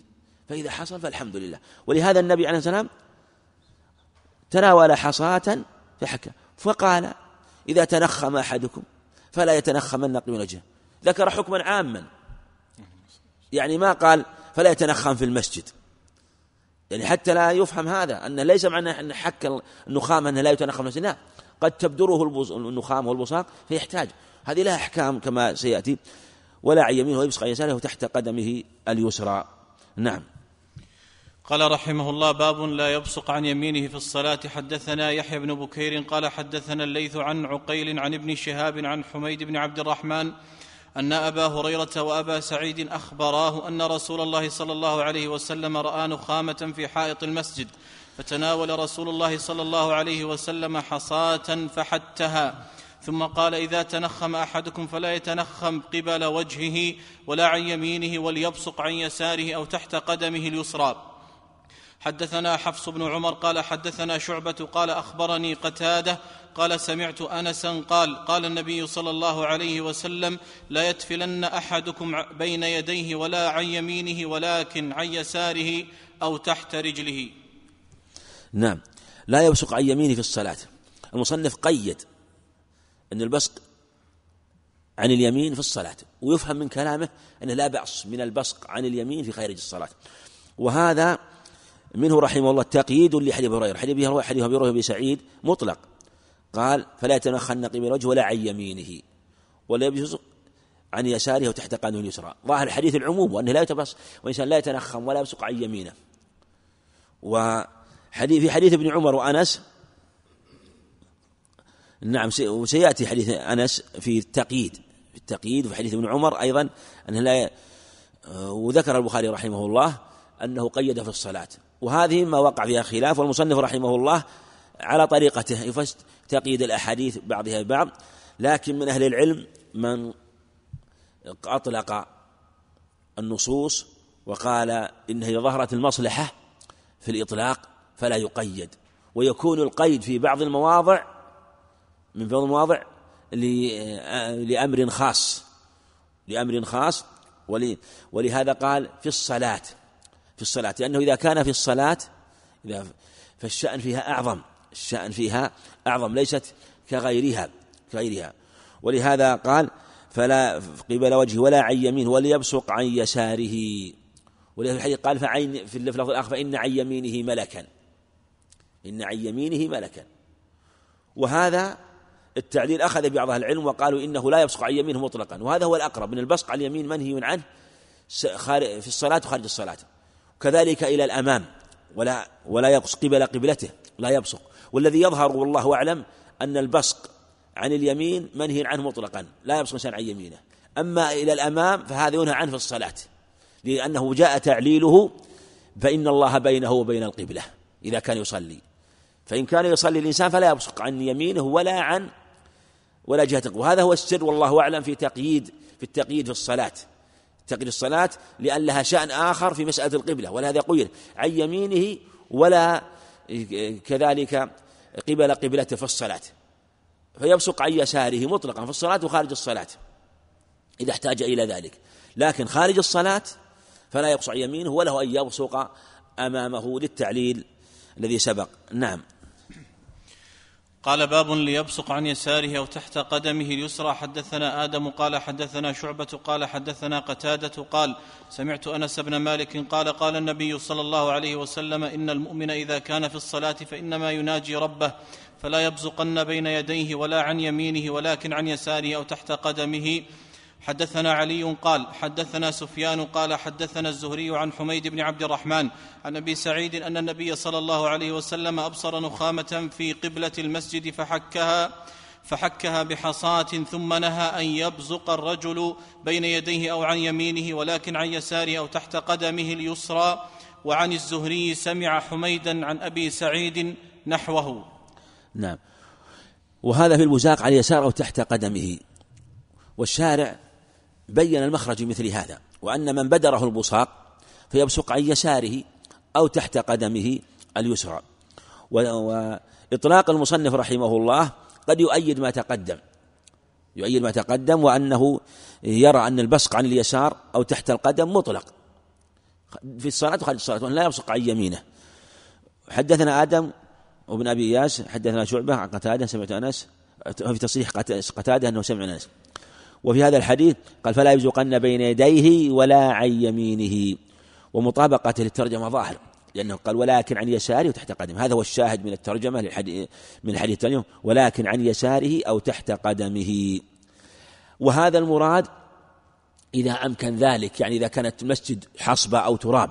أما إذا كان أو أو مبلط. مبلط وليس فيه سجاد. أما إذا كان المسجد مفروش بالسجاد فلا يبصق عليه لأن فيه تقدير بل يبصق في طرف رداءه. بل الأكمل بل الأكمل أنه يبصق في طرف رداءه آه، إن لم يكن معه مناديل حتى ولو كان حصب ولهذا حديث أنس تقدم معنا قال أو يأخذ بطرف ردائه ثم أخذ طرف ردائه فبصق فيه ثم رد بعضه على بعض عليه الصلاة والسلام. هذا هو الأكمل أنه يكون بصاقه في ثوبه في غترته وما أشبه ذلك. لا يبصق لا عن يساره ولا عن تحت قدمه لأن مهما كان آه، قد يحصل فيه أذى أو تقدير. لكن إذا بدره البصاق بدره البصاق ولم يكن في رداء فضل أو ما أشبه ذلك فهو له ذلك. وجاء في رواية أو تلقاء خلفه من طارق عبد الرحمن عند أبي داود وهذه الزيادة طعن فيها الإمام أحمد رحمه الله وقالوا إن الثابت من البصق عن اليسار لأن البصق خلف آه، يعني يلزم عليه يلتفت. ويحتمل والله أعلم هذه الرواية إن ثبتت تحمل على أن إذا كان عن يساره أحد والمكان ضيق ولو بصق عن يساره لتأذى من حوله فيرخص في أن يلتفت إذا بدره البصاق ويكون رخصة في مثل هذه الحال ويبصق خلفه إذا لم يكن خلفه أحد. لكن هذه الرواية طعن فيها آه، بعض العلم وقالوا إنها لا تثبت. نعم. وفي حديث أبي سعيد أيضا كذلك فحك ثم نهى أن يبزق الرجل بين يديه أو عن يمينه ولكن عن يساره. وهذا مثل ما تقدم النهي عن بزق عن اليمين وبين يديه وتقدم إشارة هل له أن يبزق بين بين يديه أمامه. هذه الرواية تدل على أنه لا يبزق حتى ظاهر ظاهر العموم ظاهره العموم. لأن النبي أبصر نخامة في قبلة المسجد. في قبلة المسجد. وقد يقال إنه والله أعلم إن قوله أنها يبزر الرجل بين يديه يعني إذا كان في الصلاة لدلالة قوله رأى أبصر نخامة في قبلة المسجد. أبصر نخامة في قبلة المسجد وأن الذي آه، بصق كان يصلي فبدره البصاق فبصق في قبلة المسجد فقوله بين يديه يعني إذا كان في الصلاة وعن يمينه إذا كان في الصلاة فيوافق ما تقدم. لكن الأظهر أنه إلى جهة إلى جهة الأمام آه، لا بأس بذلك خاصة إذا لم تكن قبلة. إذا لم تكن هي القبلة كما تقدم إنما عن اليمين لأن عن يمينه ملكا وقيل وعن يساره ملكا أيضا. لكن قيل لعله آه، إنه إذا كان في الصلاة فإن ملك السيئات ينتقل إلى جهة اليمين أو أنه آه، وأكرمك الله أو أو أن البزق يكون على القرين على الشيطان. لا يكون يكون على القرين على الشيطان سواء كان داخل الصلاة أو خارج الصلاة. نعم. وعن الزهري يعني بالسند المتقدم. نعم. نعم. نعم. أو تحت قدمه أو تحت قدمه. نعم. وهذا وهذا ظاهر. تحت قدمه يعني أو تحت ولكن عن يساره أو تحت يعني تحت قدمه. يعني يعني مراد به يبس عن يساره تحت قدمه يعني. يعني تحت قدمه يعني حتى يدلكها. ولهذا في في الرواية عند أبي داود وهي عند مسلم أصلا عند مسلم أنه عليه الصلاة والسلام بزق فدلكها. في حديث مطرف بن عبد الله بن الشخير عن أبيه آه، عبد الله بن يزيد بن الشخير أنه عليه السلام بزق عن يساره فدلكها برجله. وذلك أنه إذا بزق تحت قدمه فإنه آه، يكون أولا فيه إخفاء لها ويمكن أن يحصل أن يدلكها برجله حتى يزول الأذى. وهذا هو الأكمل. يعني على هذا يكون الأولى للإنسان أن يبزق إما في ثوبه في منديل. هذا الأكمل. إذا بدره البصاق فإنه يبصق عن يساره. إذا كان آه، تلقاء شماله فارغا. إن إن والأكمل من ذلك أن يكون بصقه عن الشمال تحت قدمه. يرفع قدمه آه، لا بأس ويبصق أو أنه يبصق إلى جهة اليسار ثم يدركها بقدمه اليسرى. نعم. قال باب كفارة البزاق في المسجد. حدثنا آدم قال حدثنا شعبة قال حدثنا قتادة قال سمعت أنس بن مالك قال قال النبي صلى الله عليه وسلم البزاق في المسجد خطيئة وكفارتها دفنها. نعم. باب دفن النخامة. باب نعم باب كفارة البزاق في المسجد. المصنف رحمه الله لما ذكر البصاق آه، وكأنه والله أعلم يشير بما تقدم إلى أن البصاق الذي البصاق الذي تقدم إذا بدره في الصلاة ولهذا قدمه وأن هذا البزاق إذا كان خارج الصلاة وأنه إذا كان خارج الصلاة فلا يبزق في المسجد لا عن يساره ولا قبلته ولا لا يبزق المسجد بل يكون بزاق يبزق خارج المسجد. ولهذا قدم التراجم في البصاق لأنه إذا كان في الصلاة لا حيلة له فيحتاج أن يبزقه في المسجد. لكن إذا لم يكن في الصلاة فإنه فإنها خطيئة. ولهذا كفارة البزاق في المسجد. دل على أن أن المشروع أنه لا يبزق في المسجد بل يقوم ويبزق خارج المسجد خارج المسجد. وهذا اللي يظهر والله إذا إذا أراد أن يبزق. أما إذا كان معه منديل لا بأس. يريد يبزق في ثوب هذا لا بأس. لكن ما معه منديل ما معه فضل في ثيابه يذهب ويبزق خارج المسجد. إذا شق عليه ذلك أو كان المسجد مثلا آه، يعني في مكان يشق فلا بأس أن يبزق في المسجد إذا كان تراب أو مبلط ويمكن دلكه لكن بشرط أن يدفنها. ولهذا كفارة قوله آه، كفارة بزاق المسجد. هل هي سيئة بقيد عدم الدفن؟ أو ليست سيئة؟ هذا محتمل. ليس إن قلنا إنها سيئة فلا يبزق في المسجد وإن قلنا إنها ليست سيئة إلا بقيد الدفن آه، فلا بأس أن بذلك.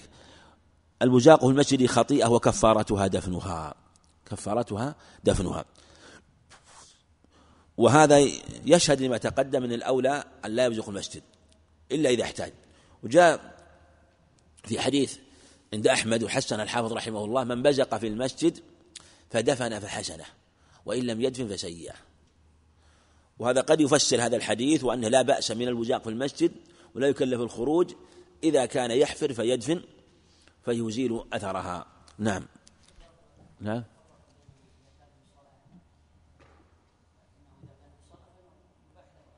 نعم.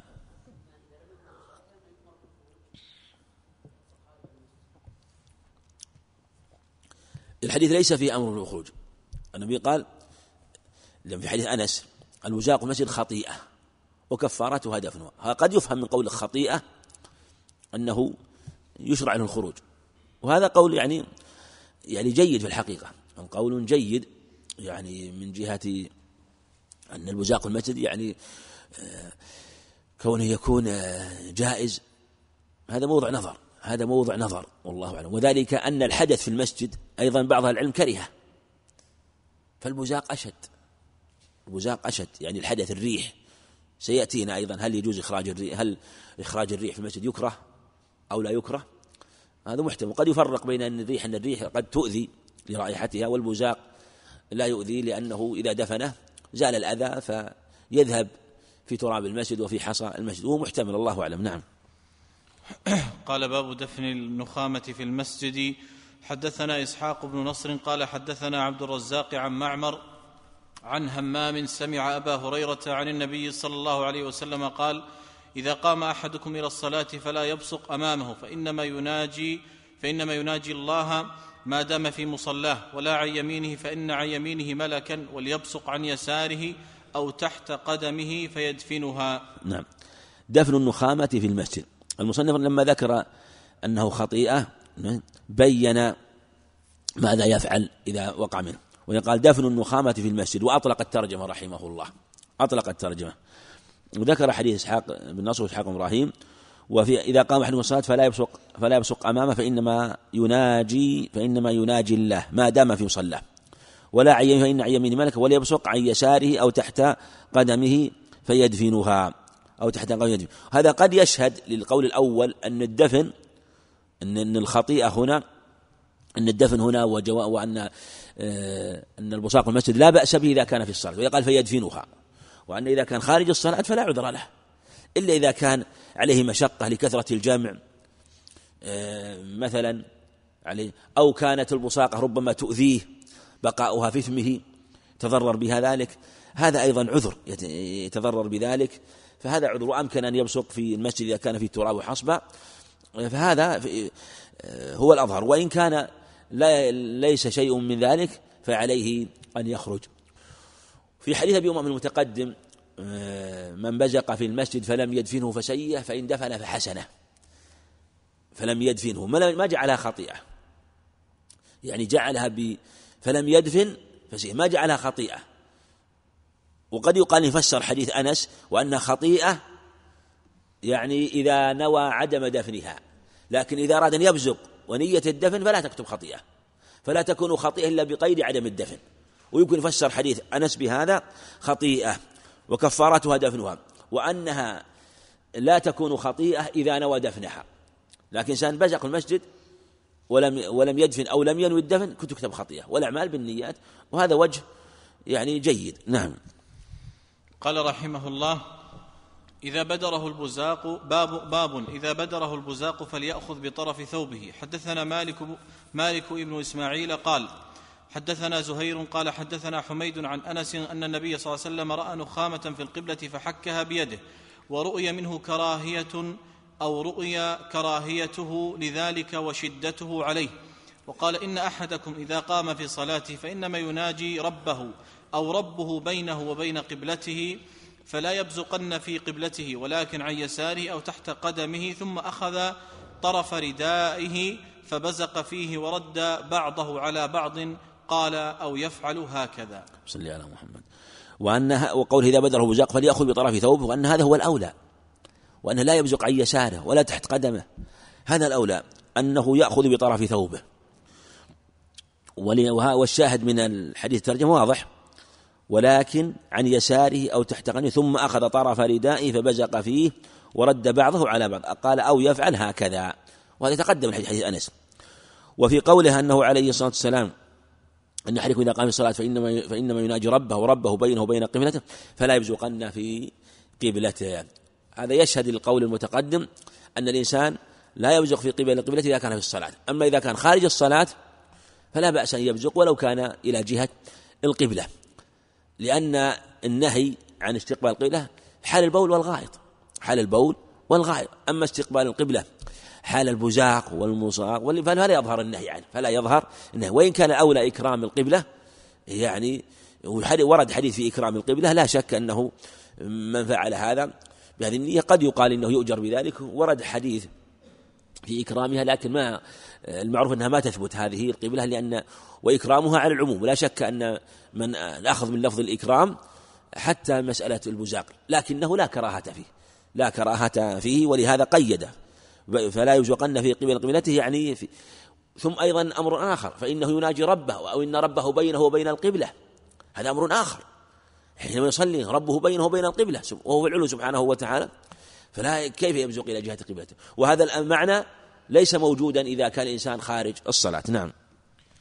قال رحمه الله باب عظة الإمام الناس في إتمام الصلاة وذكر القبلة. حدثنا عبد الله بن يوسف قال أخبرنا مالك عن أبي الزناد عن الأعرج عن أبي هريرة أن رسول الله صلى الله عليه وسلم قال هل ترون قبلتي ها هنا؟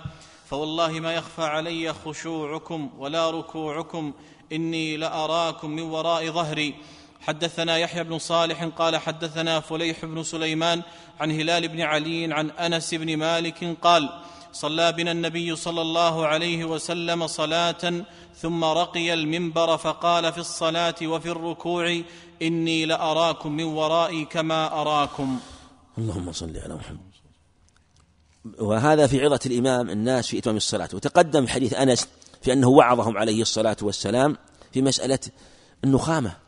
على العموم عليه الصلاة والسلام وبين شأن الصلاة وتعظيمها وأنه ينافي مثل هذا وفعل ما فعل عليه الصلاة والسلام في إزالة الأذى وبين لهم كيف يفعلون.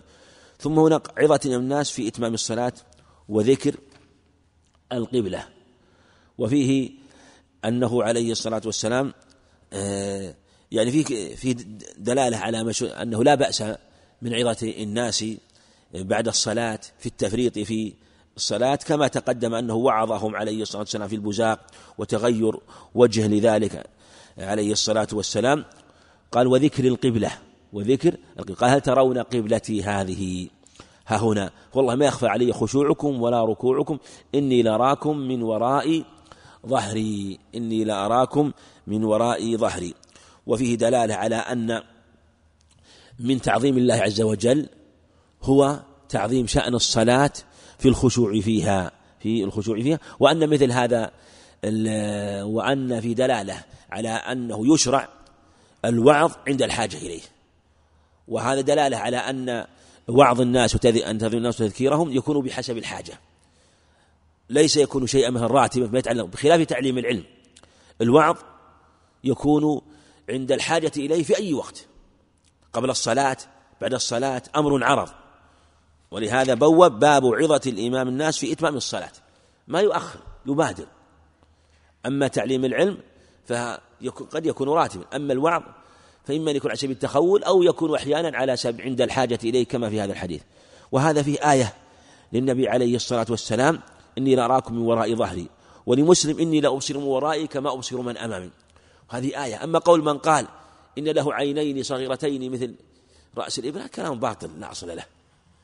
يعني يمشي على بعض الأصول المبتدعة والصواب أنه أنها آية من آيات الله وأنهم كأنهم طبعوا له في قبل كأنه يراهم عليه الصلاة والسلام أو أن الله أقدره على ذلك بأن يراهم ببصره قال إني لا أرى من أبصر من ورائي كما أبصر من أمامي عليه الصلاة والسلام. نعم.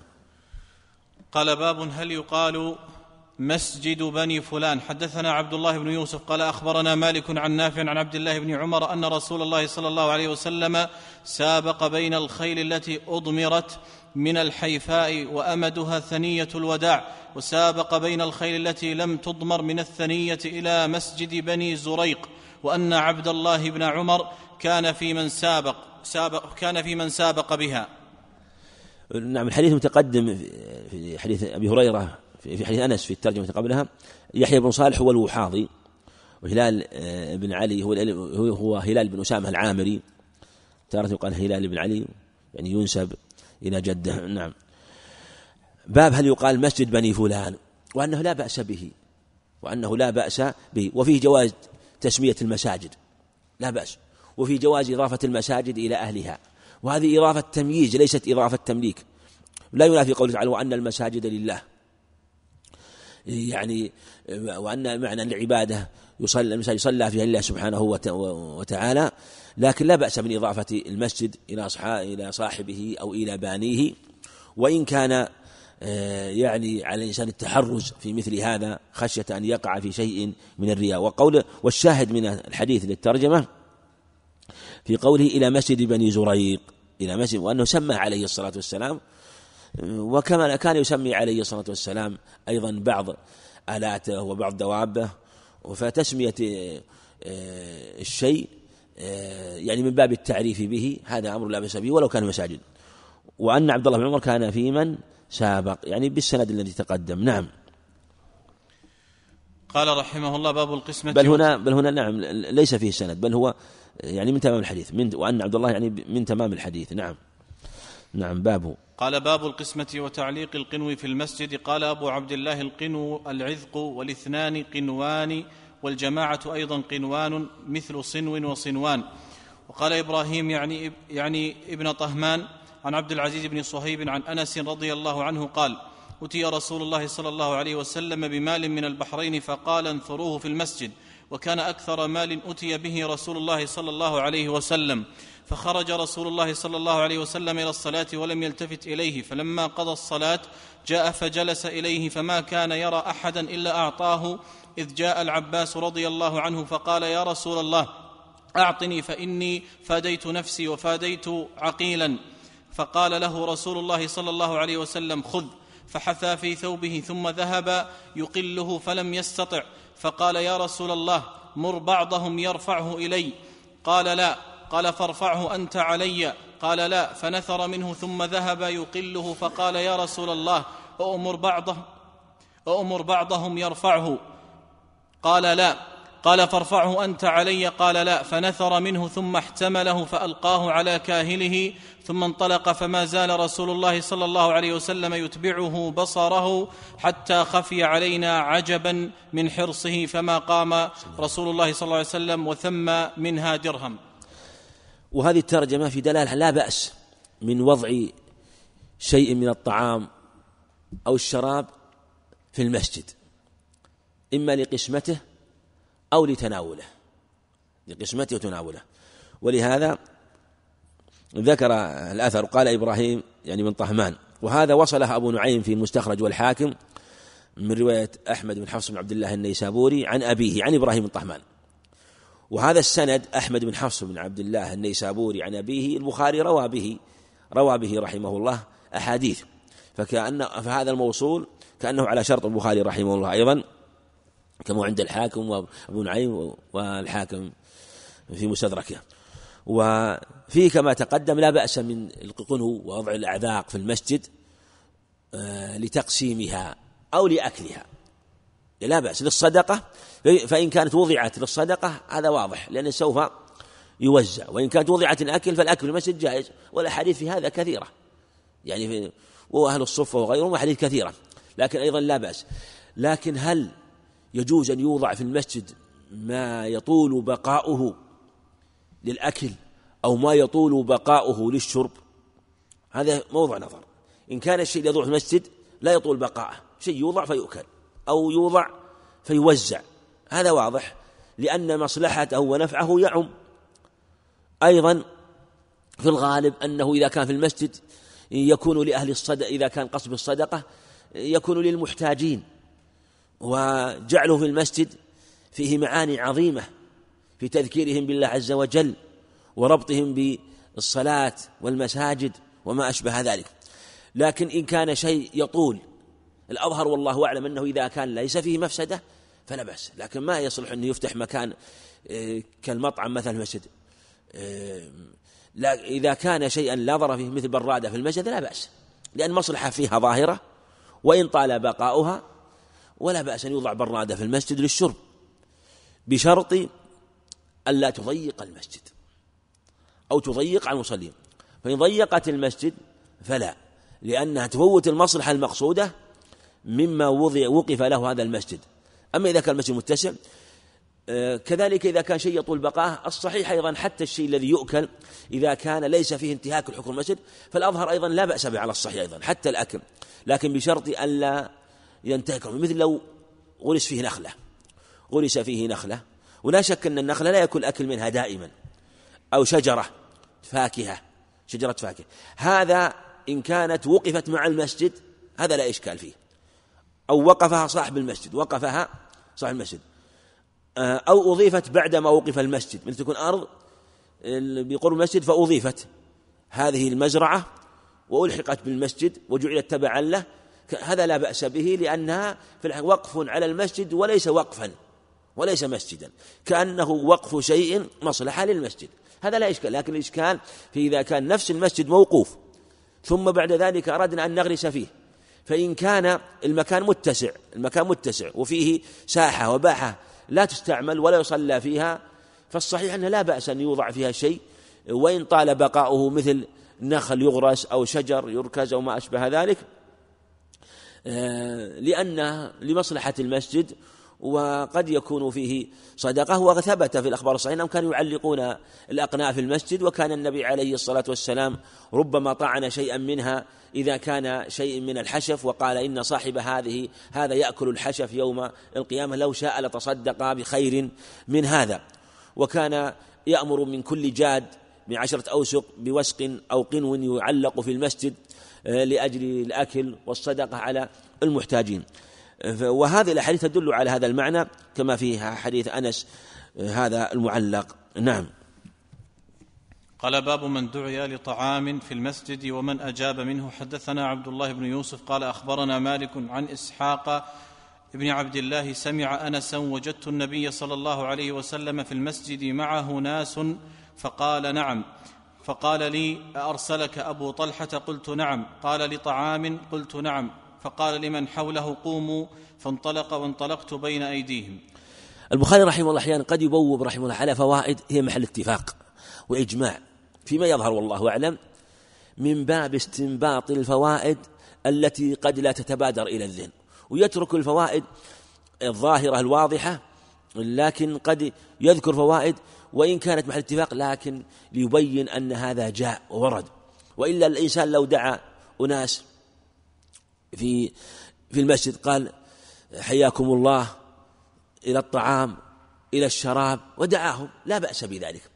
وقد يقال أنه أراد قد يمكن أيضا أن من راجع كتب الأثار يمكن أن يكون روي عن بعض السلف كراهة مثل هذا وأنه من أمر الدنيا لأن البخاري في الحقيقة بالنظر في تراجمه آه، يشير إلى مسائل قد ينفيها بعضهم وعند البحث يتبين أنه روي عن بعض السلف كراهتها.